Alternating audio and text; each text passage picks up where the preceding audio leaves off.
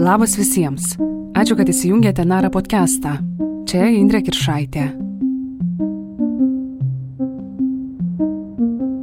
Tarp naujų tinklalaidžių dalinamės ir įgarsintais mūsų tekstais tiems, kurie mieliau klauso negu skaito. Šiandien tekstų kurėjo ir komiko Luko Ramono esė Kaip mes žaidėme kapitalizmą, o jis apžaidė mus - Viljams istorija, kurį skaito pats autorius. Nara erdvėje jis pradeda naują žanrą įvykių, kuriuos prisimename tik per miglą, nes buvome dar vaikai, į kontekstinimą. Rašyti šį tekstą Lukas pradėjo dar žiemą, norėdamas atsekti Rolando Pakso iškilimo istoriją. Ir greitai atsimušė į vieną įvykį - mažykių naftos pardavimą Viljams 1999-aisiais. Būtent tai pradėjo nušalinto prezidento legendą.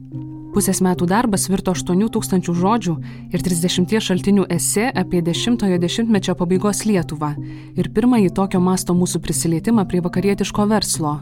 Žmonės iki šiol nesutarė, ar tai išėjo mums į gerą. Mūsų puslapyje prie teksto galite pamatyti istorinės fotografo Pauliaus Lileikio fotografijas, labai gerai perteikiančias to laikotarpio atmosferą. Taip pat ir pagrindinius istorijos veikėjus. Gero klausimo. Kaip mes žaidėme kapitalizmą, o jis apžaidė mus. Williams istorija. Istorija vienu sakiniu būtų tokia. Mažykių naftos situacija buvo bloga. Bendrovė reikėjo parduoti bet kam, tik ne rusams.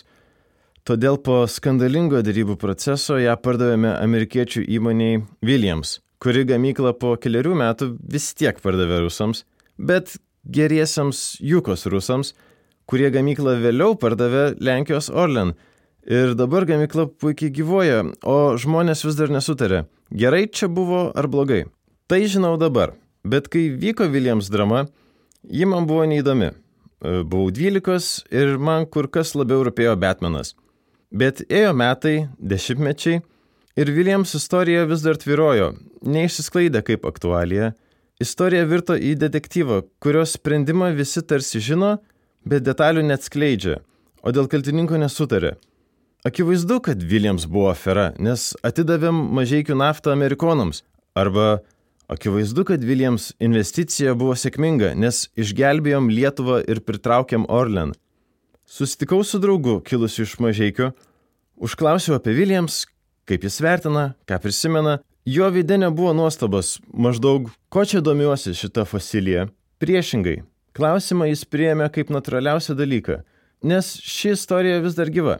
Todėl pradedu jo žudimą. Viljams sutartis galėjo Lietuvą nuvaryti bankrotą ar bent jau sunaikinti mažiekių naftą. Tai buvo rimtas Lietuvos žingsnis į vakarų pasaulį. Bet apie jį kalbame tik iš tolo, kad neišsiduotume, jog nesuprantame, kas nutiko. Laikas suprasti, laikas Viljams istorijai tapti istorija. Iš pradžių Rolandas Paksas buvo konservatorių hebriukas, jų Vilniaus meras, vėliau jų Lietuvos premjeras. Bet Paksas konservatorius išdavė ir tai padarė išleisdamas pirmą lietuvišką vlogą 1999 m. spalio 18 d. Statiška kamera, vidutinis planas. Brangus Lietuvos žmonės. Į Lietuvą kreipėsi konservatorių premjeras Paksas. Kostiumas, šlipsas, nekalta jaunas veidas, kiek pavilti plaukai. Paksas sėdi už darbo stalo, Fone valdiškų kabinetų fanerinė siena ir Lietuvos vėliava. Ant stalo, atsukta tiesiai į kamerą, vaiko nuotrauka. Kalba pradeda nuo atsakomybės ir jos naštos tenkančios sprendimų prieimėjams, atsakingiems už piliečių ateitį. Kaip tik tokia atsakomybė ir paskatino šiandien mane po ilgų dėrybų su amerikiečių kompanija Williams International, strateginių mažiekių naftos investuotojų, paskelbti jums apie savo kaip Lietuvos vyriausybės vadovo apsisprendimą. Williams - konservatorių šventas projektas, palaimintas Vytauto Landsbergio, stumtas buvusio premjero Gedimino Wagneriaus, palaikomas visų konservatorių. Nu kaip, beveik visų. Konservatoriai Paksą vos prieš penkis mėnesius iš mero pertvarkė į premjerą ir įmetė į jau toli pažengusias dėrybas dėl strateginės reikšmės objekto. Bet Paksas netrodo pasimetęs, Kaip tik per daug ramus, kažkaip emocingai ir kartu monotoniškai dėsto, kad dėrybos buvo neįprastai sunkios.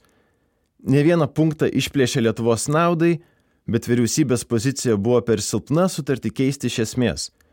Dėrėjomės iki paskutinės akimirkos, sako Paksas, užtikrintas, bet karts nuo karto vis tiek mesteli akį į tekstą ir serviruoja nešlifuotą deimantą. Priėmėme net investuotojų siūlomą kainą - mažą jiems, didelę mums. Tada Paksas prideda metaforinį ginklą prie konservatorių smilkinio ir šauna. Yra vienas skaičius, kurį šiandien turėtų išgirsti ir suvokti kiekvienas Lietuvos pilietis – nes tas skaičius liečia kiekvieną. Pasirašydama sutartį su Williams, Lietuva turėtų perduoti mažiekių naftai 1 milijardą 400 milijonų litų. Ir tada legendinė frazė. Tiek pinigų, kiek reikalauja Williams, Lietuva turi, bet tik tiek. Paksas piešia prasiskolinusią Lietuvą. Lėšų trūksta ligoninėms, darželiams, mokykloms, Pinigus ant vieno aukuro neštume visi, galbūt net vaikų mokslo, tėvų sveikatos, savo kasdienės duonos sąskaitą. Tada biški ekonomikos. Pasirašius sutartį, auks deficitas, finansinė situacija gali tapti nevaldoma, o Lietuva atsidurtų nemokių valstybių sąraše. Jis už investicijas, užsienio kapitalą, privatizaciją, už didesnės saugumo garantijas ateinančias su vakarų finansiniais interesais bet ne tokia kaina. Kai kas sako, kad tokia didelė kaina tai nepriklausomybės kaina. Tačiau ji turi būti vis dėlto žmogui, tautai, valstybei pakeliama. Jokia, net garbingiausia našta neturi kelti pavojaus galimybei išlikti. Paksas supranta tuos, kurie šventai tiki vėliems, bet abejoja, ar jie įsigilinę į sutarčių nuostatas Kaip vyriausybės vadovas atsakingas ne tik už šį projektą, bet ir už visos Lietuvos ekonominę ir finansinę situaciją, šiandien tvirtai pareiškiu, kad pasirašyti po dokumentu, kuriuo įtvirtintos, mano galva, neprimtinos Lietuvai sąlygos, negaliu. Po savaitės Paksas atsistatydina iš pareigų. Dar po dviejų dienų sutartį pasirašo laikinosios premjerės Irenos Degutienės ministrų kabinetas. Tai viena žymiausių kalbų Lietuvos politikos istorijoje. Tai lyderio, žmogaus, kuris paliks pėtsaką, ar bent pėtsakiuką, mūsų atmintyje gimimas. Bet Viljams istorija, Pakso karjeros katapulta, liko paslapčių ir legendų žanro. Ir nebe priežasties. Čia susiriša naftos verslas, geopolitika, Pakso drama, dešimtojo dešimtmečio privatizacija ir postsovietiniai kompleksai plaukėja tokie raktažodžiai kaip afera, Landsbergis, Amerikonai, Lukoil. Daug kas narpliojo šį mazgą. Rūta Janutinė, kuri 1999 buvo visai kitokios reputacijos žurnalistė nei dabar, giliai nėrė su pirmąja lietuviška tyriamosios žurnalistikos knyga Nuslėptoji Viljams ateimo istorija. Gaila, kad knygą išleido istorijai dar nepasibaigus – aprašė ateimą, bet ne buvimą ir greitą Viljams pasitraukimą. Seimo laikinosios komisijos ir valstybės kontrolės išvados, bylos konstitucinėme teisme, mokslininkų darbai, publicistiniai straipsniai patvirtino daug Janutinės atskleistų detalių ir pridėjo naujų. Tos detalės niekad nesuėjo į nuoseklę visumą. Jos gulėjo kaip sudedama sofa be instrukcijos. Sunku buvo pasakyti, kas turi iš jų išeiti. Ar ši privatizacija buvo būtina, Kodėl konservatoriai taip smarkiai norėjo būtent Williams? Klausimai liko nesakyti. Vertingas ar ne buvo tas sandoris ir kaip vertė apskritai vertinti? Ši istorija prikelia nuoskaudas ir ginčius, nepasiduoda racionaliam žvilgsniui. Žvelgiant į sutarties pasirašymo aplinkybės, peršasi atsakymas. Galbūt Williams istorija racionaliai nesuprantama todėl, kad jos pagrindiniai herojai buvo ne patys aštriausi įrankiai pašiūrėje, Jie buvo buki, ką noriu pasakyti. Naftotekis družba, draugystė tipo. Pavadintas taip todėl, kad surenka naftą iš Sibiro, Uralo ir Kaspijos telkinių ir transportuoja ją Europai - rytų, centro ir galiukui vakarų. Viena družbos atšaka suka nuo Polotsko per biržus į Ventspilį. Būtent dėl šios atšakos atsirado mažiekių nafta. Sovietų naftininkai pakreipė galvas, nu, lyg ir patogi vieta, ir 1980 metais šalia Mažiekių numetė naftos perdirbimo gamyklą. Mažiekių nafta, pakabinta ant sovietinio draugystės kraniuko, žalią naftą perdirbo į benziną, dizeliną, mazutą, reaktyvinį kūrą, suskystintas dujas, bitumą. Atėjo nepriklausomybė ir draugystės kraniukas užsisuko. Mažiekių nafta buvo pajėgi perdirbti 15 milijonų tonų naftos per metus. 1990-aisiais perdirbo 11 milijonų tonų, 91-aisiais 12 milijonų, 92-aisiais perdirbimas krito iki 4 milijonų tonų, kitais metais buvo 5 milijonai ir šitas vidurkis laikėsi iki Williams ateimo.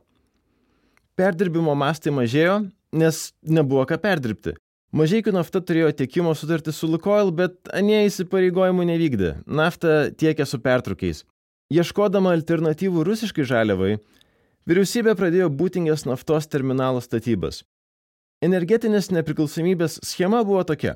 Pastatom terminalą, atplaukia vakarietiškos naftos pilni nerusiški tanklaiviai, prisišvartuoja prie specialaus plūduro ir savo turinį žarnomis pumpuoja į jūrinį vamzdyną, kuris naftą Baltijos dugnu 7,3 km gabena iki kranto ir dar 2,5 km į būtingės terminalo rezervuarus. Iš ten sirbliai naftą magistraliniu naftotiekiu pumpuoja į mažiekius. Gamikla perdirba tanklaivių naftą, o jos produktus Lietuvos geležinkelių cisternomis ir Klaipėdos terminalu pristato pirkėjams. Pelnas. Schema gera, bet bėda per vėlai pradėta. Terminalo idėja kabėjo nuo nepriklausomybės, bet praėjo kelios vyriausybės, kol 1995-aisiais, nužiūrėjus būtingę ir apėjus tikras ir įsivaizduojamas kliūtis, buvo padėta pirma plita ir iškart pritrūko šaibų. 1997-aisiais Seimas garantavo paskolų būtingės terminalo statyboms už 100 milijonų dolerių. Garantijos esmė - skolinasi būtingė, gražina būtingė.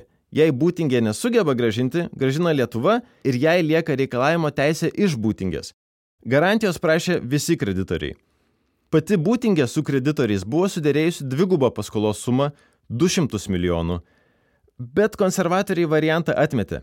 Premjeras Wagnerius teigia, kad pradėjęs eiti ministro pirmininko pareigas, jis būtingėje rado išleistus didžiulius pinigus, išplautus pinigus, rangoms buvo permokėta 20 ar 30 milijonų dolerių, e, koks tikslumas, todėl statyboms turės užtekti 100 milijonų. Pritrūkus šaibų vėl, statybos buvo baigtos mažiekių naftos apivartinėmis lėšomis – Iš šių lėšų gamykla įprastai pirkdavo žaliavą, mokėjo atlyginimus ir elektros sąskaitas, žodžiu, be jų per daug neprigamyklinsi. Tai dar labiau pakirto mažiekių naftos finansus ir net prisidėjo prie širdžių premjero Pakso atsistatydinimo. E, štai ir Pakso minėta kaina. Prieš pasirašant sutartis, Williams pareikalavo padengti apivartinių lėšų trūkumą. Būtingės terminalo statybos kainavo 300 milijonų dolerių. 1999 Liepą Būtingės terminale buvo pripildytas pirmas tanklaivis. E, taip, pripildytas. Nuo pat pastatymo terminalas veikia kaip rusiškos naftos eksporto terminalas ir nepanaikino priklausomybės nuo rusiškos draugystės. Kitaip būti ir negalėjo, terminalas nebuvo pajėgus aprūpinti mažiekių naftos nafta. Tai buvo į tolimesnę ateitį orientuotas projektas. Todėl tuo pat metu vyriausybė ieškojo strateginio investuotojo, kuris atitiktų keturis kriterijus. Pirma, ne rusas. Antra, su rusais galintis sudėrėti naftos tiekimo sąlygas. Trečia, galintis modernizuoti mažiekių naftą. Ketvirta, vakarietiškai ją valdysintis. Norėčiau sakyti, pagal šios keturis kriterijus buvo organizuotas viešas konkursas. Bet ne, ta prasme, Hebra ruošėsi viešajam konkursui, bet jis nespėjo nutikti. Valdžia dairėsi potencialių pirkėjų, net nusamdė konsultantus privatizavimo programai renkti - prancūzų investicinį banką Bank Paribas. Ir vidury šių procesų, lyg niekur nieko, ūkio ministerijos kabinečiukose jau sėdi Williams, su ministru pasirašinėja susitarimus ir konsultuoja, kaip vykdyti privatizaciją. Įkurta 1908 metais Oklahomos valstijoje, Talsoje, Williams pradėjo nuo šaligatvių klojimo, vandentikių ir nuotekų šalinimo vamzdynų tiesimo, bet tada ją aplankė mūza ir taip prasidėjo dujotekių tiesimas. Po 40 metų darbo plaktuku Williams pradėjo pirkti dujotekius, diversifikuotis ir konglomeruotis, bet daugiausiai prekiauti dujų ir naftos produktais JAV. Williams neturėjo patirties rytų Europos vamzdžiuose. Nepanašu, kad turėjo svorį Rusijos energetikos sektorėje ar kad žinojo, kaip veikti postsovietinėme regione. Jų kompetencija buvo amerikiečiai. Rusija didelė, Amerika didelė, mokėsė tarpusavį kalbėtis. Neteisės aktų pagrindų buvo pradėtos dėrybos su Viljams. Priešingai, pirmą prasidėjo dėrybos, vėliau atsirado jas pagrindžiantis dokumentai – Raktas į magiško Viljams atsiradimo myslę yra Vincas Kestutis Babilius, šiuo metu amžinatilsis, tuo metu ūkio ministras konservatorių vyriausybėje. Viskas prasideda ir baigėsi Babiliumi. Babilius yra Uroboras, Babilius yra Alfa ir Babilomega. Iki šiol neturime oficialios versijos, kaip Viljams nutupė Babiliaus kabinete. Užtat turime gandų. Pavyzdžiui, vienas visus pažįstantis eini darai nesisuks negyvensi hebriukas pavardė Galilas įsitrynė būtingėje, tuomet mažeikiuose. Teikė abejotino tarpininkavimo tarp amerikiečių ir mažiekių paslaugas, uždirbo nemažai litų. Yra liudijimų, kad tai jis Babilių suvedė su Williams, bet rašytinių įrodymų nėra. Tarpininkai, slapti susitikimai, šešėliniai kanalai. Neaišku, kaip viskas atrodė, nes konservatoriai atsisakė tai atskleisti – Konservatorių versija - viskas vyko skaidriai ir teisėtai. Patys Williams, nesakysim kaip ir kada, kreipėsi į Lietuvą norėdami investuoti. Mažiekių naftą tuo metu agresyviai bandė nupirkti rusų naftos gigantas Lukoil, todėl Williams iniciatyva buvo tikras išsigelbėjimas nuo rusiškos energetinės priklausomybės. Kaip ten babiliūtų, viena istorija puikiai iliustruoja, kaip atrodė šios dėrybos. Veikėjai. Laima Liucija Andrikinė. Europos reikalų ministrė. Vinsas Kestutis Babilius, ūkio ministras. Gediminas Vagnarius, premjeras. Williams, privatizatorius. Bank Paryba, privatizavimo konsultantai. Visos citatos paimtos iš parodymų Seimo laikinai komisijai. 1998 m. vasario 25 diena. Europos reikalų ministrė Laima Liucija Andrikienė geria kavą, tikrina elektroninį paštą. O, įkritęs laiškas nuo Bank Paryba, konsultantų dėl mažiekių naftos privatizavimo. Laiškas nėra malonus. Bank Paryba nesupranta, kas dedasi. Juos pasiekė informacija, kad mažiekių nafta bus parduota Williams. Bet juk joks privatizavimas dar negalėjo prasidėti. Privatizavimo programa dar nepatvirtinta, o konkursas planuojamas, kuriame, beje, norą dalyvauti išreiškė Neste, Shell, Lukoil, Elf ir Konoko. Prie laiško kabo susitarimas su Williams. Netvirutė, kurioje būtų parašyta sieksime produktyvių dėrybų. Ne, tai išsamus dokumentas, kuriame įtvirtinti ambicingi planai. Pavyzdžiui, ministerija įsipareigoja imtis visų reikalingų priemonių, kad Williams įsigytų būtingės naftos, naftotekio, mažiekių naftos akcijų paketus, ne mažiau nei 33 procentus kiekvienoje bendrovėje. Susitarime prašoma būsimos sutarties apimtis, šalių įsipareigojimai ir ketinimai, atsakomybės ribos. Susitarimu Babilius įgalioja Viljams dėrėtis Lietuvos vardu ir, citata, susitarti iš esmės su Rusijos bendrovėmis dėl kiekvienos jų individualaus akcijų paketo akcinėse bendrovėse AB būtingės nafta, AB naftotekis bei AB mažiekių nafta. Williams yra atleidžiama nuo bet kokios atsakomybės, kuri gali kilti dėl Rusijos akcininko ar akcininkų pasirinkimo. Citatos pabaiga. Įdomiai. Praktikoje tokie susitarimai reiškia, kad dėrybos jau toli pažengusios. Šalis ilgai sėdėjo prie stalo, susitarė dėl esminių punktų ir dabar tikisi, kad sutartis bus pasirašyta. Tačiau dėrybos dar neprasidėjo, net nėra su kuo dėrėtis. Babilius neturi įgaliojimų pasirašyti tokių dokumentų, o Lietuva neturi planų parduoti mažiekių naftą be konkurso. Williams savo ruoštų iškilmingai skelbė, kad vyriausybė investuotojų pasirinko Williams. Kaip toks susitarimas galėjo atsirasti? To paties klausė Andrikienė. Ji kreipėsi į premjerą Gediminą Wagnerių. Tas sako, negali būti tokio susitarimo, kreipkis į Babilių. Andrikienė skambina Babiliui į mobilųjį. Nokia čirška, Babilius kelia ragelį, sako, kad dabar Kauno halėje žiūri kažį. Primenu, kad tą sezoną Žalgeris laimėjo Europos krepšinio taurę kuri vėliau praskinė klubui kelią į triumfą Eurolygoje. Andrikė neklausė, ar Babilius pasirašė tą susitarimą. Babilius patyli, patyli, sako, na, pasirašiau. Andrikienė iš Babilius pasima jo susitarimo egzempliorių, prideda prie egzemplioriaus, kurį atsiuntė Bank paryba. Bled, identiški. Andrikienė skambina Wagneriui, sako, tai pasirašė Babilius, sutikrinau versijas. Vagnorius netiki, galvoja, Andrikienė neskiria, kur identiški, kur neidentiški egzemplioriai. Aš angliškai neskaitau, išverskite ir atvežkite man. Andrikienė visą naktį verčia susitarimą į lietuvių kalbą, iš ryto nuneša premjerui. Kita diena išeina oficiali versija. Viskas gerai, Babilius jokio susitarimo nepasirašė. Bank paryba netiki, toliau siunčia laiškus Andrikieniai. Rašo, kad pagal šitą susitarimą Williams už mažiekių naftos akcijas mokės daug mažiau nei mokėtų konkurso būdu. Susitarimas kelia riziką privatizavimo procesui, netitinka vyriausybės tikslų, neskaidrių ir tarptautinėje praktikoje neįprastų būdų mesga teisinių santykių su privačiu investuotoju. Babilius išreiškė apgailestavimą dėl prasimanimų.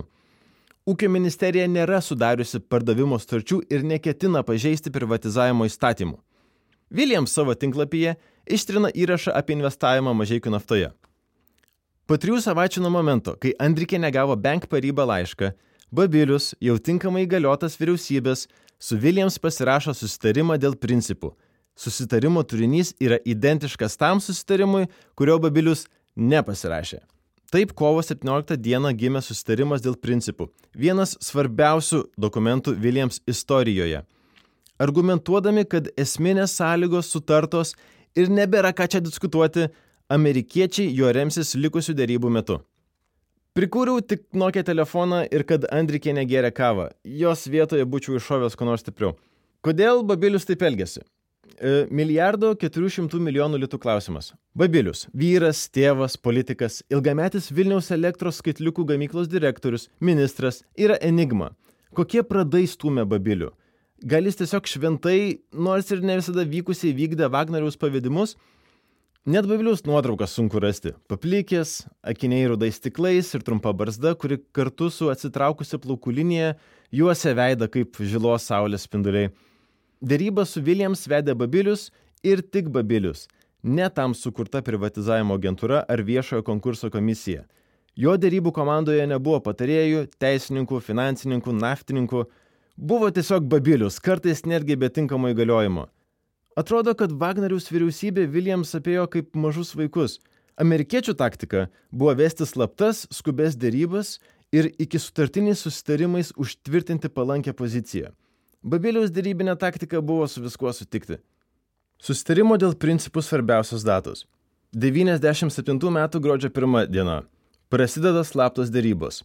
Tikėtina, kad tada, tikslios datos nėra, bet nuo šios dienos Lietuva Williams darbuotojams apmoka dėrybų metu patirtas apgyvendinimo, maitinimo ir panašias išlaidas. 98 metų vasario 11 diena.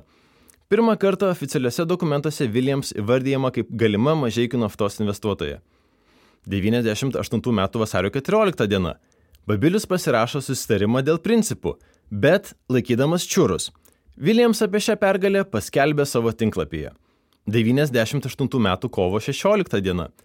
Babilius gauna įgaliojimą vesti dėrybą su Williams. 98 metų kovo 17 diena. Babilius pasirašo susitarimą dėl principų, bet dabar ant rimto. Tiesa, įgaliojimą turi tik vesti dėrybas, o ne sudaryti susitarimus. E, bet čia tik detalės. 98 metų kovo 19 diena. Seimas pritarė dėryboms su Williams. Geriau palaiko negu niekada. 98 metų Liepos 29 Babilius ir Williams pasirašė nemažiau svarbų iki sutartinį dokumentą - ketinimų protokolą. Protokolavo tokius ketinimus. Mažiekių nafta bus sujungta su būtingės terminalu ir naftos perpumpavimo stotimi biržose. Williams už 33 procentus šio komplekso akcijų mokės 150 milijonų dolerių. Neaišku, iš kur suma ištraukta, nes pagal įstatymus mažiekių naftos kainą turėjo nustatyti valstybės turto fondas, bet nenustatė.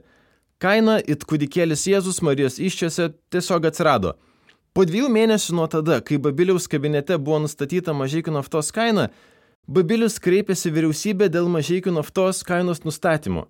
Vyriausybė nusprendė kainą apskaičiuoti pagal balansinę vertę - apskaitytas turtas minus skolos ir kiti įsipareigojimai. Ir remtis bank paryba atliktų akcinio kapitalo vertinimu. Balansinė vertė paprastai būna mažesnė už rinkos vertę. Balansinė vertė tai turtas ant popieriaus. Rinkos vertė, už kiek tą turtą gali parduoti. Į rinkos vertę įeina įmonės perspektyvos ir reputacija. Kraštutinis pavyzdys. Vienu momentu Tesla rinkos vertė buvo 40 kartų didesnė nei balansinė. Mažiekių nafta niekada nebus Tesla, Bet dabartis rodo, kad mažiekių nafta turėjo perspektyvų, tik jos nebuvo įvertintos. Šitas paskaičiavimas pagal balansinę vertę ir bank paribą vertinimą buvo tik formalumas. Mažiekių naftos akcijų kainą Babilius suderino su Williams, o po dviejų mėnesių, įvykus faktui, vyriausybė ją tik neįgaliai patvirtino. Ketinimų protokole Williams išsiderėjo nuo 98 rudens, dar nenusipirkusi anei akcijos, dalyvauti mažiekių naftos, būtingės naftos ir naftotekio valdyme. Taip atsirado laikinų valdymo paslaugų teikimo sutartis. Irgi geras fruktas. Sutartis saugojo Williams interesus, suteikė teisę prižiūrėti būsimą investiciją ir dalyvauti sprendimų prieimime. Faktiškai tai leido Williams suleisti nagučius į dar nenupirktas įmonės. Ištikimai remimi Babiliaus Williams viešpatavo. Pavyzdžiui, pareikalavo nutraukti sutartį su rangovu ir samdyti kitą. Būtingė sukandusi dantis nutraukė, sumokėjo netesybas, sudarė naują, brangesnę sutartį, nes Williams konsultantų patarimai buvo visai ne patarimai. Kaip sakė vienas būtingės darbuotojas, į patarimą neatsižvelgus, Babilius už penkių minučių skambina ir klausia, o tu neklausai jų? Būtingės darbuotojai apie Williams konsultantus atsiliepia neigiamai. Tačiau nereikia prezimuoti, kad visi Williams sprendimai buvo blogi. Svarbiau tai, kad nebuvo jokio mechanizmo, jokio saugiklio, kuris saugotų Lietuvos interesus. Williams nerizikavo, nes dar neturėjo akcijų. Jiems negresė atsakomybė už netinkamą valdymą, nes laikinų valdymo paslaugų startis nedetalizavo, ką konkrečiai Williams daro. Tai buvo labai paslaptingos paslaugos. Konsultavimas, dalyvavimas, sprendimai, geras vaibas, paslaugų apimtis ar jų kokybės vertinimas į sutartį nepapuolė. Na, gal neužteko vietos. Bet vietos užteko paslaugų kainai. Pagal sutartį Williams gavo kompensaciją už kelionių, perkelimo ir visas kitas faktinės išlaidas, bet to mažiekių nafta amerikiečiams mokėjo darbo užmokestį. Kiekvienas Williams konsultantas už vieno darbo dieną gaudavo po 1000 dolerių. Taip, toks tarifas po štukai dieną. Pagal laikinų valdymo paslaugų sutartį 98-99 metais Williams iš mažiekių naftos uždirbo virš 6 milijonų JAV dolerių. Galiausiai ketinimų protokole šalis susitarė dėl mokėjimo už akcijas. Pusę kainos - 75 milijonus dolerių - Williams sumokės grinais, o kitą pusę vekseliu, kurį padengs iki 2002. Įprastai vekselis yra vertybinis popierius, kuriuo mokėtojas be išlygų įsipareigoja sumokėti jame nurodytą sumą. Bet Williams vekselis turėjo mažų mažytę išlygą. Williams sumos nemokės. Teisingai išgirdot. Šalis sutarė, kad jie iki 2001 pabaigos mažiekių naftos įbida rašosi šis terminas EBITDA, tačiau jis yra angliškas, todėl aš jį tarsiu angliškai. Tai yra įmonės pelningumo rodiklis, nurodantis pajamas prieš palūkanas, mokesčius, nusidėvėjimą ir amortizaciją, bus mažesnis nei 421 milijonas dolerių, mažiekių nafta amerikiečiams sumokės kompensaciją. Kompensacijos dydis 75 milijonai. Kitaip tariant, kai ateis laikas Williams apmokėti 75 milijonų vekselį, Williams gaus 75 milijonų kompensaciją. Bent aišku, iš kur atsirado 421 milijono dydžio įbida. Iš kosmoso, rodau skaičiais, reikia 421 milijono dolerių įbida iki 2001 pabaigos. Tokio įbida mažiekių naftai ne tik nebuvo įmanoma pasiekti, nieks ir neapsimetė, kad sieks – Verslo planai sudaryti kartu su Williams numatė daug kuklesnius skaičius, o mažiekių nafta ir tokių nepasiekė. 98 metais mažiekių naftos įbida buvo 17,5 milijono dolerių, 2000-aisiais 35 milijonai, 2001-aisiais 7 milijonai, iki siekiamo rezultato pritruko vos 361 milijono. Nieko blogo susitarti dėl sąlyginio mokėjimo atidėjimo. Bet sąlyga turi būti pasiekiama, ji turi būti įsišaknyjusi tikrovėje, o ne fantazijose. Punktas dėl įbida buvo tariamasis sandoris sudarytas dėl akių. Savotiškai žavu kokia nagla ir besarmatė ši schema. Jei mažiekių naftos rodikliai nėra pakankamai geri, Williams moka tik pusę kainos. Vadinasi, Williams, kuri tuo metu valdo mažiekių naftą, turi tiesioginę paskatą nepasiekti sutartų mažiekių naftos rezultatų.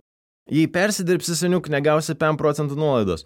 Bet sakykim, įvyksta iškastinio kūro stebuklas ir mažiekių nafta surenka 421 milijono įbida. Tai rodo, kad mažiekių nafta yra fantastiškai perspektyvi gamykla, uždirbanti kelis kartus daugiau pajamų nei prognozavo verslo planai. Williams sumoka visą kainą, liūdėsys, bet turimų akcijų vertė smarkiai šauna į viršų. Džiaugsmas. Tiesiog neįmanoma pralaimėti. Nebent esi Lietuvos pusė. Stebuklas neįvyko. Mažiekių naftos akcijas pardavėme už pusę balansinės vertės. Svarbiausios ketinimų protokolo datos. 98 metų Liepos 29 diena. Babilius ir Williams pasirašo ketinimų protokolą. 98 metų rugsėjo 11 diena. Sudaroma laikinųjų valdymo paslaugų teikimo sutartis, kurios pagrindų Williams laikinai saugo, prižiūri mažiekių naftą. 98 metų rugsėjo 29 diena. Seimo skubos tvarka priima įstatymų pakeitimus, kuriais įgyvendina ketinimų protokolo nuostatas, o Williams pripažįsta strateginių investuotojų. Taip, tik dabar. 98 metų spalio 6 diena. Praėjus dviems mėnesiams po to, kai mažiekių naftos kaina buvo suderinta su Williams, vyriausybė nustato, kaip bus apskaičiuota mažiekių naftos kaina. 2000 m. spalio 18 d. Dalį įstatymų pakeitimų Konstitucinis teismas pripažįsta prieštaraujančiais Konstitucijai. O tokį procesą, kai po fakto įteisinį ką Babilius sutarė, vadina įdingu. 2002 m. birželio 18 d. Mažiekių nafta sumoka 75 milijonų kompensaciją Williams už įbidą trūkumą. Williams perveda tuos pačius 75 milijonus atgal. E, čia kai su draugu per kalėdas apsikeiti vienodą dydžio dovanų kuponais. Kad ir kaip gerai ėjo dėrybos, Williams dėlsė dėti parašą ant investicijų sutarties. Atrodo, kad Williams į Lietuvą žiūrėjo įtariai. Žiūri ta Afroditė, valiukiška ir neteisinga, juk Lietuva į Williams žiūrėjo širdelių pilnomis akimis, neturėdama pikto kėslo. Mums jie buvo amerikiečiai, antžmogiai, kurie viską daro geriau. Konservatoriai Lietuvos lygmenių netgi paleido gandą, kad Williams padės įstoti į NATO. Turbūt mane, kad visi amerikiečiai viens kitą pažįsta. Meilės perspektyvas stemdė ir Rusijos finansų krizė. 98-ųjų vasarą Rusija pateko į defaultą, nebeturėjo iš ko susimokėti skolų. Smūgio banga persirito per postsovietinę šalis, tarp jų ir Lietuvą. Mūsų ekonomika buvo smarkiai surišta su Rusijos atlaikai, todėl 99-ieji nusimatė kriziniai. Amerikiečių romantinės intencijas slopino auditorių išvados, kad mažiekių naftai trūksta apivartinių lėšų. Dalis šio trūkumo atsirado dėl Babiliaus sprendimo pinigus būtingės statyboms traukti iš mažiekių naftos keulės taupyklės. Williams vadovybė rašė laiškelius, nelabai meilės, su naujomis sąlygomis ir reikalavimais, kurių pagrindinis buvo padengti mažiekių naftos apivartinių lėšų trūkumą. Vyriausybė pagaliau nusprendė dėrėtis, teikė kontrapasiūlymus, bet Williams laikėsi savo nuomonės. Taip gimė trečiasis iš trijų didžiųjų iki sutartinių dokumentų - susitarimo memorandumas, kuriuo vyriausybė įsipareigojo dvigubai kompensuoti apivartinių lėšų trūkumą. Kodėl būtent dvigubai? Geras klausimas. Ši matematika yra viena mažykių naftos privatizavimo paslapčių. Viljams panorėjus, Babiliui paliepus, mokam dvigubai daugiau nei trūksta. Šis kompensavimas buvo ne pinigų perdavimas, kaip tai vadino Paksas, o paskola. Bėda tai, kad 99 metais vyriausybė susidūrė su rimtu biudžeto deficitu. Smarkiai karpė esminės išlaidas, bet kartu turėjo merkti pinigus į Williams projekčiuką. Kol vyriausybė Babiliaus asmenyje dėrėjosi, vyriausybės vadovas Wagnerius kapojosi su prezidentu Valdo Adamkumi. Ne dėl naftos dalykų, Adamkus vienareikšmiškai palaikė Williams. Adamkus apie Williams buvo girdėjęs, kai dirbo JAV, kur kompanija turėjo gerą vardą. Tapęs prezidentu, Adamkus jautė pareigą palaikyti dėrybas, nesikišti vyriausybės darbą. Sutartis su Williams skambėjo kaip dar vienas žingsnis integracijos į vakarus link. Tad kam gadinti gerą dalyką? Prezidentas nežinojo, kaip nemokšiškai vyksta procesas, nes beveik nieks nežinojo. Konservatoriais jis pasitikėjo, nors pačio Wagnerius panašu nemėgo, o Wagnerius nemėgo atgal. Konfliktai tarp prezidento ir premjero radosi lygioje vietoje. Wagnerius ir jo komanda viešai kritikavo Damkaus sprendimus, o jų privatus susitikimai buvo šalti ir nevaisingi. Adamkus dienoraščiuose rašė, citata, ką man per visą vakarą teikėsi paaiškinti Gediminas Wagnerius, galima nusakyti vienu sakiniu. Vyriausybė viską daro pagal įstatymus, tvirtai kontroliuoja situaciją, o Lietuvos ekonominė padėtis vis gerėja. Jokios krizės negresia.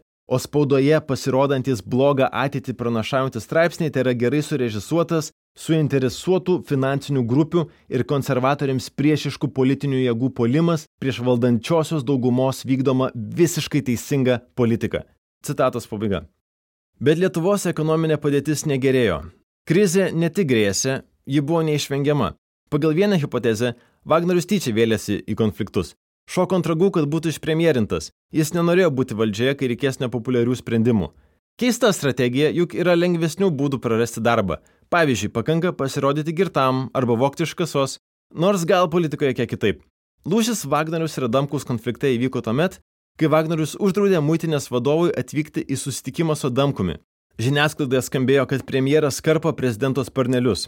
Ala, be Vagneriaus leidimo nebus susitikimo. Tai įstumė Adamkų į kampą. Jis turėjo kirsti atgal arba susitaikyti su tuo, kad Vagnerius gaudys į valdžios koridoriuose ir jo ausis kaišios įlietus pirštus, darys dilgelės ir kartais mėtys jo kuprinę pro langą. Ilgai tylėjau.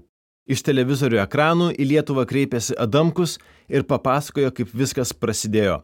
Adamkus kreipėsi vyriausybę dėl galimos korupcijos ir nuostolingo valdymo, o Vagnerius, užuot bendradarbiavęs, citata, pradėjo kovą su prezidento institucija.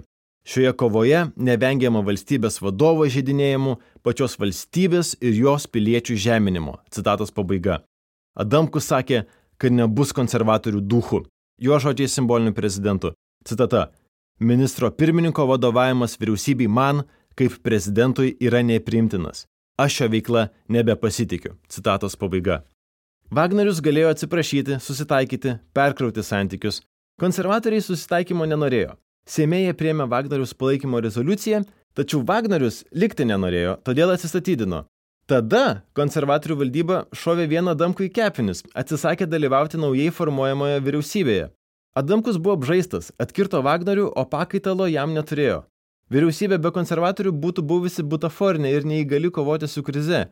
Užtat geras atpirkimo žys. Prezidentas siūlė konservatoriams apsigalvoti, kvietė jo susitikti, suokė, žadėjo, įtikinėjo, kalbėjo apie krizę valdžioje ir ūkyje, paruoštą premjero vietą ateities lyderiui. Apskritai, konservatoriai buvo smarkiai prieš tango su valdu, bet asmeniškai svajingai žiūrėjo į premjeravimą. Kliūtis liko Gediminas Vagnorius, kuris aršiai ir efektyviai gesino konservatorių ambicijas, nu dar biški čiučiut pavadovauti. Nors ir sunkiai, Adamku palaikė Vytautas Landsbergis, kuris iš pradžių pritarė Wagneriui, bet po to susitaikė su dušiai artima mintimi, kad Lietuva be konservatorių niekur nenueis. Jie sutarė imti jauną kompromisą - į premjero lentynėlę įstatyti Rolandą Paksą. Vilniaus meras Rolandas Paksas turėjo perspektyvaus, ūkiško, neįsivėlusio į intrigas politiko reputaciją. Pagrindinis konservatoriaus oponentas politikoje visat buvo konservatorius, o Paksas buvo per mažai konservatorius, kad turėtų oponentų. Va taip tyliai prasidėjusi, tyliai baigėsi Babiliada. Vagneriaus vyriausybė nesprogo, iš jos tiesiog išėjo oras. Vagnerių ir Babilių pakeitė Paksas, iš pradžių vadintas prezidento premjeru, o vėliau, kai atsisakė pasirašyti sutartį, širdžių premjeru. Mūsų kolektyvinėje atmintyje Williams siejasi būtent su Paksu, atsisakė pasirašyti, Adamkumi, amerikietis, kaip ir Williams, Kubiliumi ir Landsbergiu, stumė sutartį. Bet jie trečia eiliai veikėjai, ne jie priėmė sprendimus, ne jie Lietuvą sužėdavo su Williams, Pagrindiniai herojai buvo Vagnerius ir Babilius. Strateginius sprendimus priėmė premjeras, o jo ūkio ministras dirigavo dėryboms. Arba akimis sekė dirigento lasdelę, čia jau kaip pažiūrėsi. Ir nors Vincas Babilius lieka mislė, Gediminas Vagnerius yra rebusas. Vagnerius itin aštraus proto ekonomikos daktaras, kuris pirmą kartą premjeru tapo 91 metų sausio 13-ąją. Kriziniu momentu Kai prasidėjus neramumams, tuometinis premjeras Albertas Šimienas su šeima pabėgo į druskininkus. Vagnoriui buvo 33 ir tą naktį niekas nežinojo, ar rusiškai fiziškai nesusidoro su Lietuvos valdžia. Vagnorius rizikavo savo saugumu ir prisėmė atsakomybę kurti modernę Lietuvos valstybę. Antrą kartą premjeru jis tapo 96 metais. Neįtin sukalbamas, umaus būdo ir arogantiškas, o tai yra konservatorių vizitinė kortelė, jis buvo griežtas bosas. Bet korupcijos įrodymų nebuvo, o žinomomis aplinkybėmis šešėliniai susitarimai netrodė tikėtini. Pavyzdžiui, jei Wagneriaus vyriausybė būtų sudėrėjusi atkatą iš Williams, tai žudbūt būtų siekusi sutarties pasirašymo, o Wagnerius atvirkščiai skubėjo pasitraukti iš premjero pareigų. Teorija, kad Babilius veikia nepriklausomai nuo Wagneriaus, irgi mažai tikėtina. Taip, Babilius vienas pats vedė dėrybas, primdavo sprendimus nepasitaręs ir neinformavęs, bet vėliau tuos sprendimus užštampuodavo Wagnerius vyriausybė ir konservatorių Seimas. Ne, už Williams sutarties stovėjo visa konservatorių partija. Alternatyvi teorija, kurios laikosi ir patys konservatoriai, yra tokia. Jie šventai tikėjo Williams gerumu. Ar bent jau įsivaizdavo, kad Williams yra vienintelė alternatyva Lukoil, šiaudas traukiantis mažiekių naftą iš rusiško gniaušto. Taip, pačioje istorijos pabaigoje Paksas įžengė istoriją, kuri išgarsins Paksą. Naujoji vyriausybė sudarė darbo grupę ir ėmė analizuoti dėrybų dokumentus. O tai nebuvo lengva, nes Babilius dėrybų dokumentų nepaliko. Archyvose nebuvo korespondencijos su Williams, susitikimų protokolų ar net sutarčių projektų. Tarp Pakso vyriausybės ir Williams iškart kilo trintis. Jos kaltininkas buvo ūkio ministras versija 2.0 Eugenijus Maldeikis. Jis padarė FOPA, norėjo dėrėtis, o Williams tai priėmė kaip įžeidimą. Pagal amerikiečius dėrybos buvo baigtos, jų rezultatai buvo užfiksuoti susitarime dėl principų, ketinimų protokole ir susitarimo memorandume. Maldeikis sakė, nemeluodamas, kad šiuose susitarimuose yra daug nuostatų, kurios prieštarauja Lietuvos įstatymams. Williams atsakė, neblefodami, kad jei netinka įstatymai, keiskit įstatymus. Maldeikio darbo grupė it detektyvai aiškinasi, kodėl Wagneriaus vyriausybė prisėmė tiek įsipareigojimų ir išsiderėjo tokias nepalankės sąlygas. Bet kitaip nei filmuose atsakymų nebuvo. Maldeikis norėjo nuolaidų, toliau drįso dėrėtis, o Williams pakeitė taktiką. Perėjo į polimą. Lietuvos padangė užtemdė pašto karveliai. Amerikiečiai siuntė ultimatumus, grasinimus pasitraukti ir manipuliatyvius nuogastavimus. Laiškai ėjo Maldeikiui, kopijos Paksui, Adamkui, Landsbergiui, Keithui Smithui, JAV ambasadoriui Lietuvoje ir kitiems. Pavyzdžiui, 98 metų Liepos 14 Maldeikis ir Ko gavo tris laiškus, kuriuose Williams nurodė, kad susitarimų memorandumo ir ketinimo protokolo nuostatus turi būti perkeltos į investicijų sutartį, nes tam jau pritarė Williams valdyba. Net dešimtajame dešimtmetyje tai buvo nuvalkėta dėrybų taktika. Vadinamoji, čia supranti, seniuk mes viduje jau pasitvirtinom, tai dabar nebegalim keisti. Kompanija reikalavo atsakymo tą pačią parą. Rugsėjo 17 dieną Williams laiške pagrasino, kad jei Lietuva neprisims visų ketinimų protokolo ir susitarimo memorandumo įsipareigojimų, dėrybos bus nutrauktos ir nustatė terminą - atsakyti iki 12 nakties. Williams matė, kokia silpna, susiskaldžiusi patikli Lietuvos pusė, kuri kaip višta be galvos laksto aplink grūdą, manydama, kad tai patikima dėrybų strategija. Ir to naudojosi. Blefavo, melavo, nutilėjo, žadėjo, reikalavo, spaudė. Williams nebuvo kažkokie blogiečiai, jie buvo profesionalai. Skaldyk ir valdyk suveikė. Williams laiškeliai sudarė įspūdį, kad Pakso vyriausybė beprasmiškai vilkina dėrybas ir laužo pažadus, mažai nafta artėja prie bankroto, o Maldeikis apskritai yra Lukoil agentas. Lietuvos politinis elitas paremė amerikiečius. Seimo pirmininkas Vytautas Landsbergis, jo pavaduotojas Andrius Kubilius ir prezidento patarėjai pradėjo aktyviai kištis į dėrybas. Valstybės gynimo taryba nugesino Maldeikio alternatyvą dėl mažiekių naftos finansavimo. Adamku žiniasklaidoje išreiškė palaikymą Williams ateimui. Williams padarė nesminių nuolaidų, Lietuva pataisė reikiamus įstatymus, šalis šiaip netaip suderino sutarčių projektus, Paksui atėjo laikas dėti parašiuką. Paksas atsisakė dėti parašiuką, Vietoj to dėjo Hamleto monologą, pilną dramos ir vidinės kančios, bet su mažai turinio. Paksas nurodė, kad dėrybos buvo labai sunkios, bet jo komanda išdėrėjo nuolaidų. Tai buvo netiesa. Ketinimų protokolas ir susitarimo memorandumas nugulė į galutinę sutartis. Ką sudėrėjo Wagnerius ir Babilius, to nepakeitė Paksas ir Maldeikis. Paksas sakė, kad Lietuva turės perduoti virš milijardo litų, bet neaiškino, kodėl mažiekių naftai trūksta šių litų. Kas per žvėris tos apivartinės lėšos? Kodėl Williams reikalauja dvigubai daugiau nei reikia, kokiomis sąlygomis litai būtų skolinami, terminas, palūkonos? Paksas vietoj skaičių ir faktų rinkosi emocinius vaizdinius. Paskutinį duonos kasnį atiduodama taukuotėms amerikonams. Bet koks skirtumas, Pakso kalba suveikė. Jis atliko mano spektaklį, kurį žiūrėjo visa Lietuva, kuris iki šiandien gyvas mūsų atmintyje. Mažykių naftos privatizacija nebuvo vienintelė komplikuota privatizacija Lietuvos istorijoje bet būtent apie ją žmonės vis dar kalba prie bokalo, viešojoje erdvėje ir galbūt net lovose prieš sueitį. Kita vertus, Paksio kalba nesuveikė. Jis buvo priverstas atsistatydinti iš premjero pareigų, o sutartį pasirašė laikinoji konservatorių premjerė Irina Degutienė. Paksas neatskleidė, koks įdingas ir neprofesionalus buvo dėrybų procesas. Širdžių premjeras žaidė emocijomis. Amerikiečiai nori per daug pinigų, ašara aky, pinigų neturim. Dėl to Williams įsirašė į Lietuvos mitologiją o ne istorija. Yra dviejų tipų žmonės - konservatorių rinkėjai ir konservatorių nerinkėjai, nes nieks konservatorių neima kaip antro pasirinkimo partijos. Arba esi jų fanas, arba tau balsavimas už konservatorius yra patrauklus kaip kolonoskopija. Abi pusės William Smithą vis dar naudoja savo tikslams. Nerinkėjai Williams atmena kaip aferos, vagystės valstybiniu mastu, parduotos Lietuvos pavyzdį. 2014 metai. Elgimantas Salamakinas socialdemokratų pagrindinių Williams projekto oponentų atstovas, pasisako Seimo posėdėje. Citata. Jeigu jūs manote, kad Lietuva yra stebuklų šalis ir jų yra, tada eskaluokite tą temą.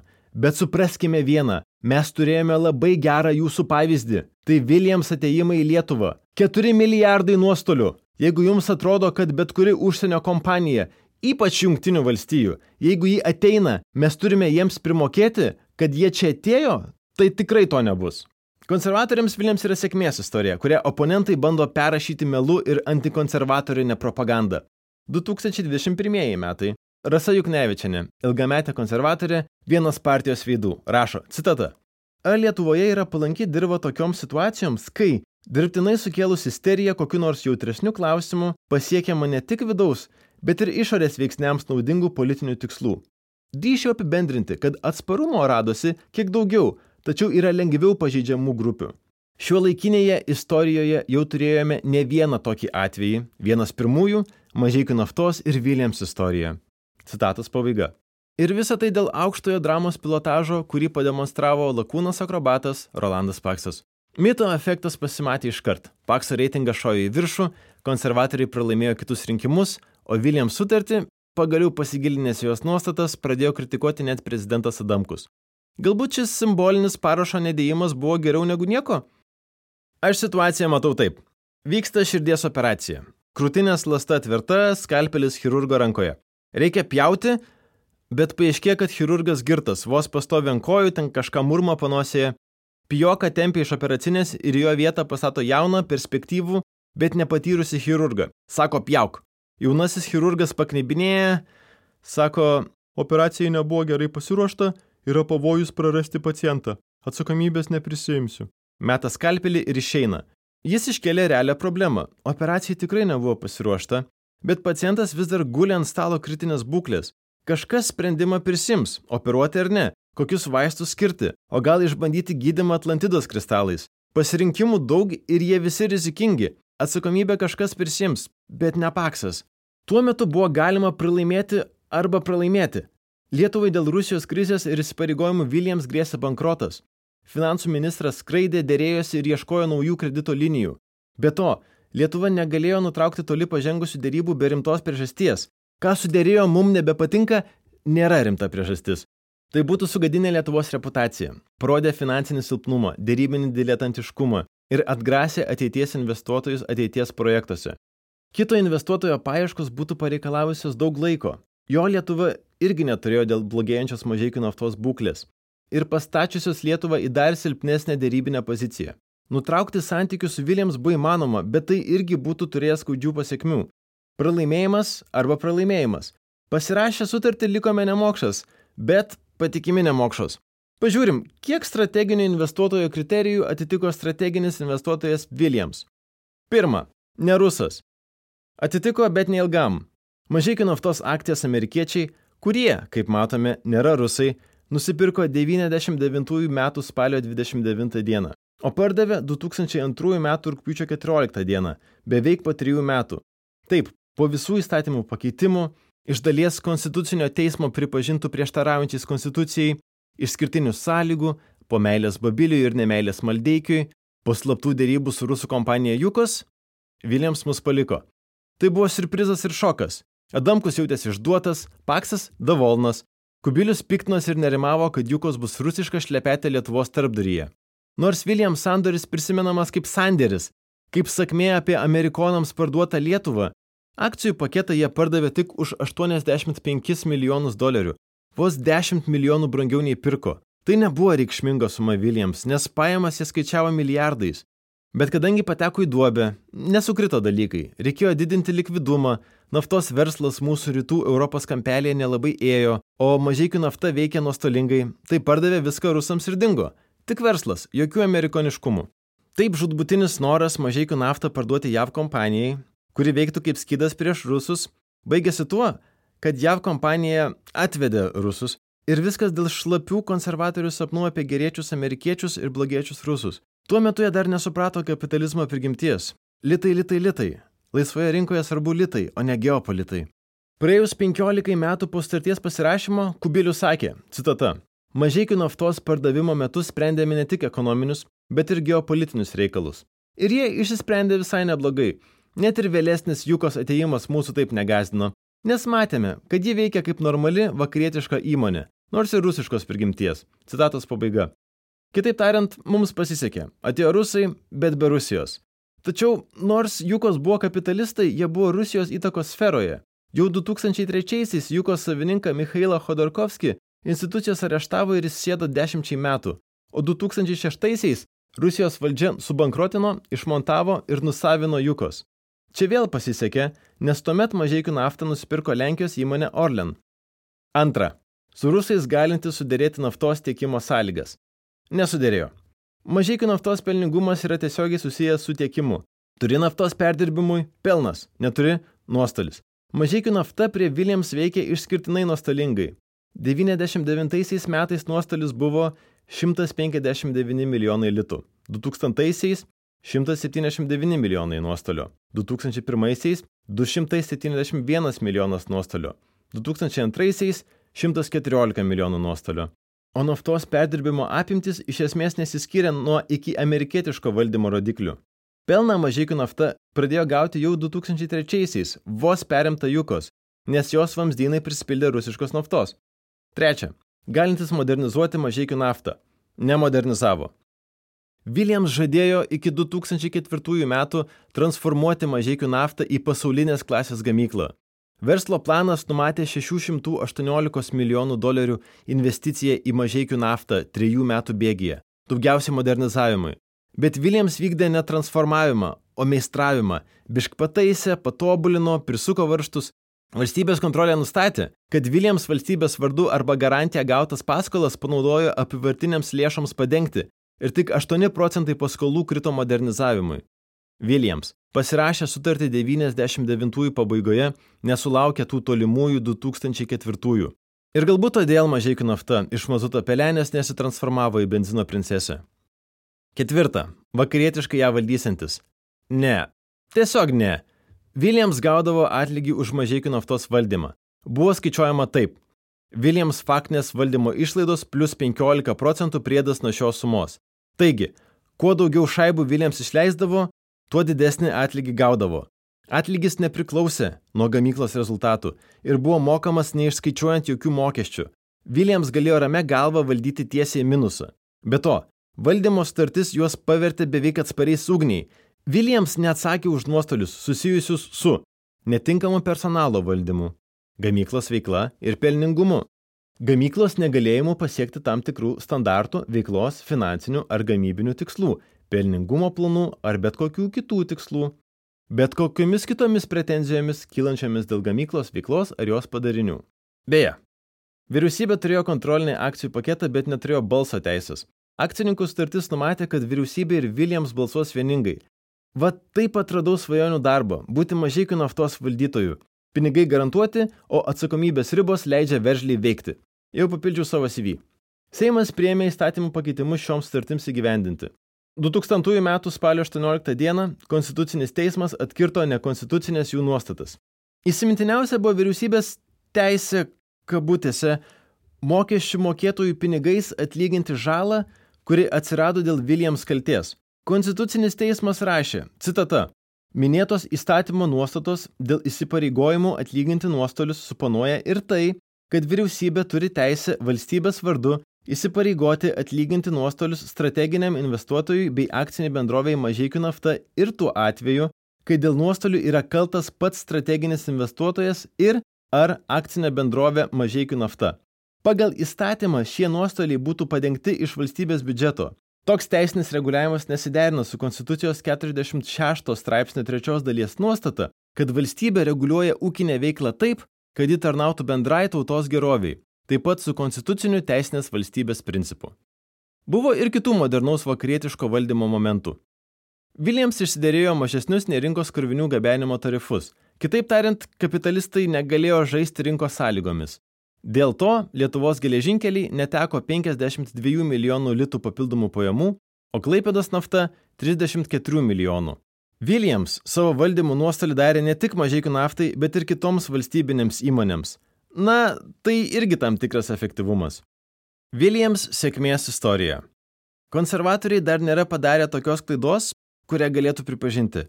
Arba, kaip jie sako, kokios klaidos? Žiniasklaida, opozicija, prezidentūra, konstitucinis teismas, jų pačių premjeras, kito Seimo laikinoji komisija, valstybės kontrolė, daug kas konstruktyviai arba nelabai kritikavo sandorį, bet konservatoriai atlaikė ir šį priešo polimą. Kas galėtų pakeisti jų nuomonę? Sunku pasakyti. Konservatorių fantazijose Williams buvo ir išliko vienintelė alternatyva Lukoil - Kubilius. 2020 m. kovo šią istoriją prisiminė taip. Citata. Taip pati sandario esmė buvo ta, kad dalį, maždaug trečdalį, akcijų atiduodame Williams už praktiškai nieką. Bet pati idėja tokia, kad Williams ateina, sutvarko mažykių naftą ir tų dviejų trečdalio akcijų, kurios yra valstybės rankose, kaina pakyla ženkliai.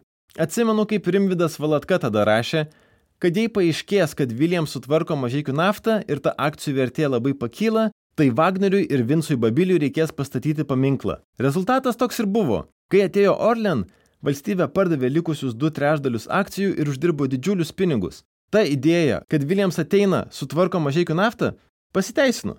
Tačiau tikėti, kad Lietuvoje kas nors tai pripažintų, yra šiek tiek beviltiška. Citatos pabaiga.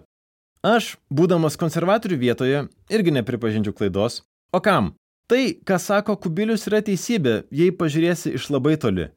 Prisiminkim operuotą pacientą. Jaunasis chirurgas išskrido. Į operacinę įžengė patyręs medicinos vilkas, griebė skalpelį, įpjovė, užsiuvo, trenkė pacientui per petį, sako, sveikas kaip ir dikas. Bet paciento negalavimai niekur nedingo. Jo būklė tapo stabili, bet negerėjanti. Po kelių metų prireikė dar vienos operacijos, tada dar vienos. Tik po ilgų metų terapijos, streso, kasdienio darbo su savimi pacientas ne tik išgyjo, jis tapo sveikesnis nei bet kada. Ir čia grįžta senas vilkas. Jis sako, ta pirma operacija išgelbėjo pacientą. Kur mūsų medalis? Išgelbėjo? Na, gal. O kas jei ši operacija stabilizavo paciento padėtį ir buvo pirmas žingsnis į pasveikimą? Sunku vertinti, o kas jei. Bet galima vertinti procesą. Jis didino ar mažino tikimybę, kad mažykių naftos istorija baigsis gerai. Gera pabaiga nereiškia, kad buvo pasirinktas tinkamas kelias. Konservatoriai mus vedė vingiuotų slidžių pavojingų šunkelių. O kas jei Viljams būtų turėję mažiau sarmatos? O kas jei Jukos nebūtų buvę kapitalistai? O kas jei Orlen nebūtų įžengę ir Išsigandę tų pačių rusų nebūtų nupirkę mažykių naftos akcijų už apvalę sumelę, juk sėdėtume su Rusija ant sprando. Sunku su tais, o kas jei? O kas jei suktume laiko ruletę iš naujo? Nenorėčiau, kad kamoliuką mestų tuomečiai konservatoriai. Apskritai nenorėčiau ruletės. Bet istorija baigėsi gerai. Kai kalba pasisuka apie Williams, visi pradeda skaičiuoti. Už kiek pardavėm, ką atidavėm, kiek nuvertėjo, Bet valstybė nėra verslas, jos pagrindinė funkcija nėra sėkmingai pirkti ir parduoti. Nors efektyvus viešųjų resursų naudojimas yra fainas dalykas.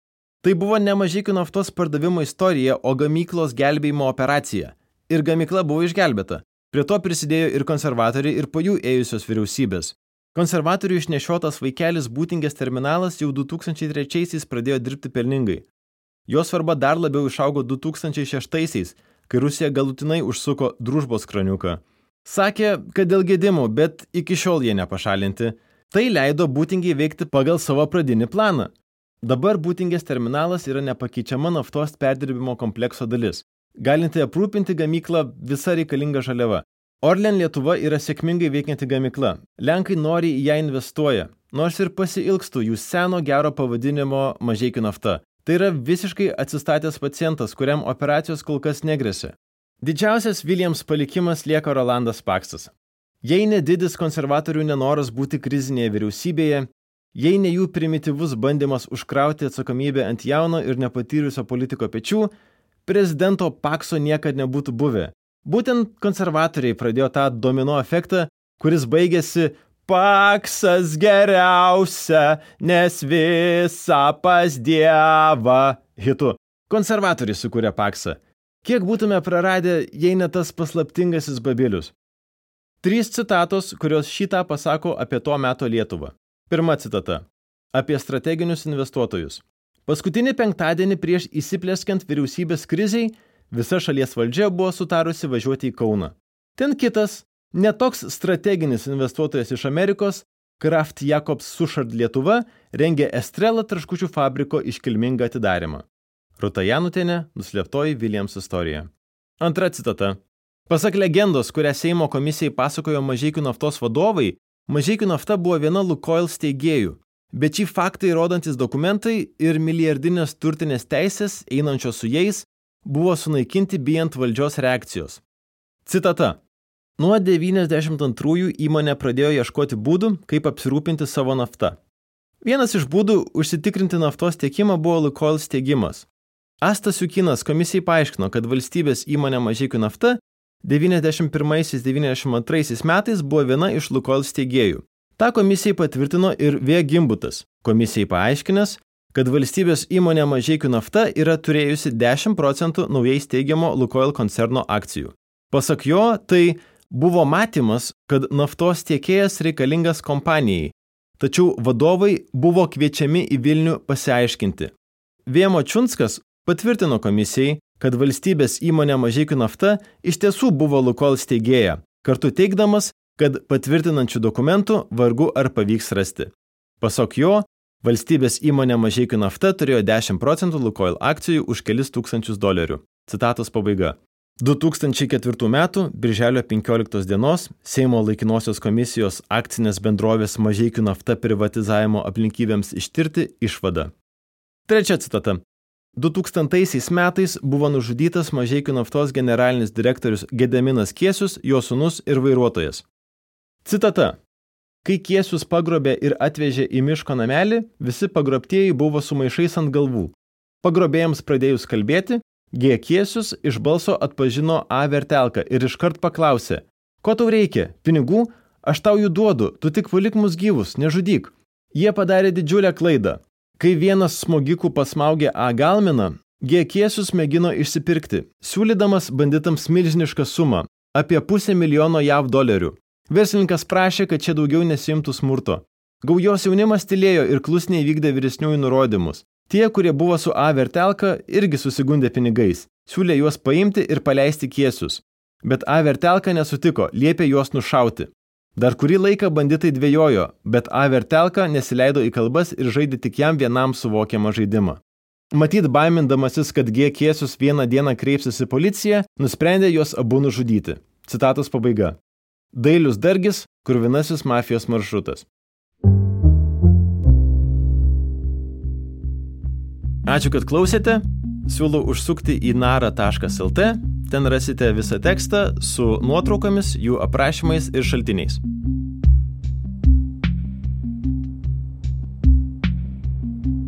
Girdėjote Luko Ramono tekstą, kaip mes žaidėme kapitalizmą, o jis apžaidė mus. Viljams istorija. Jį skaitė pats autorius. Daugiau mūsų tekstų galite rasti nara.lt. Kviečiame palaikyti mūsų darbą adresu patreon.com pasviras brūkšnys nara.lt.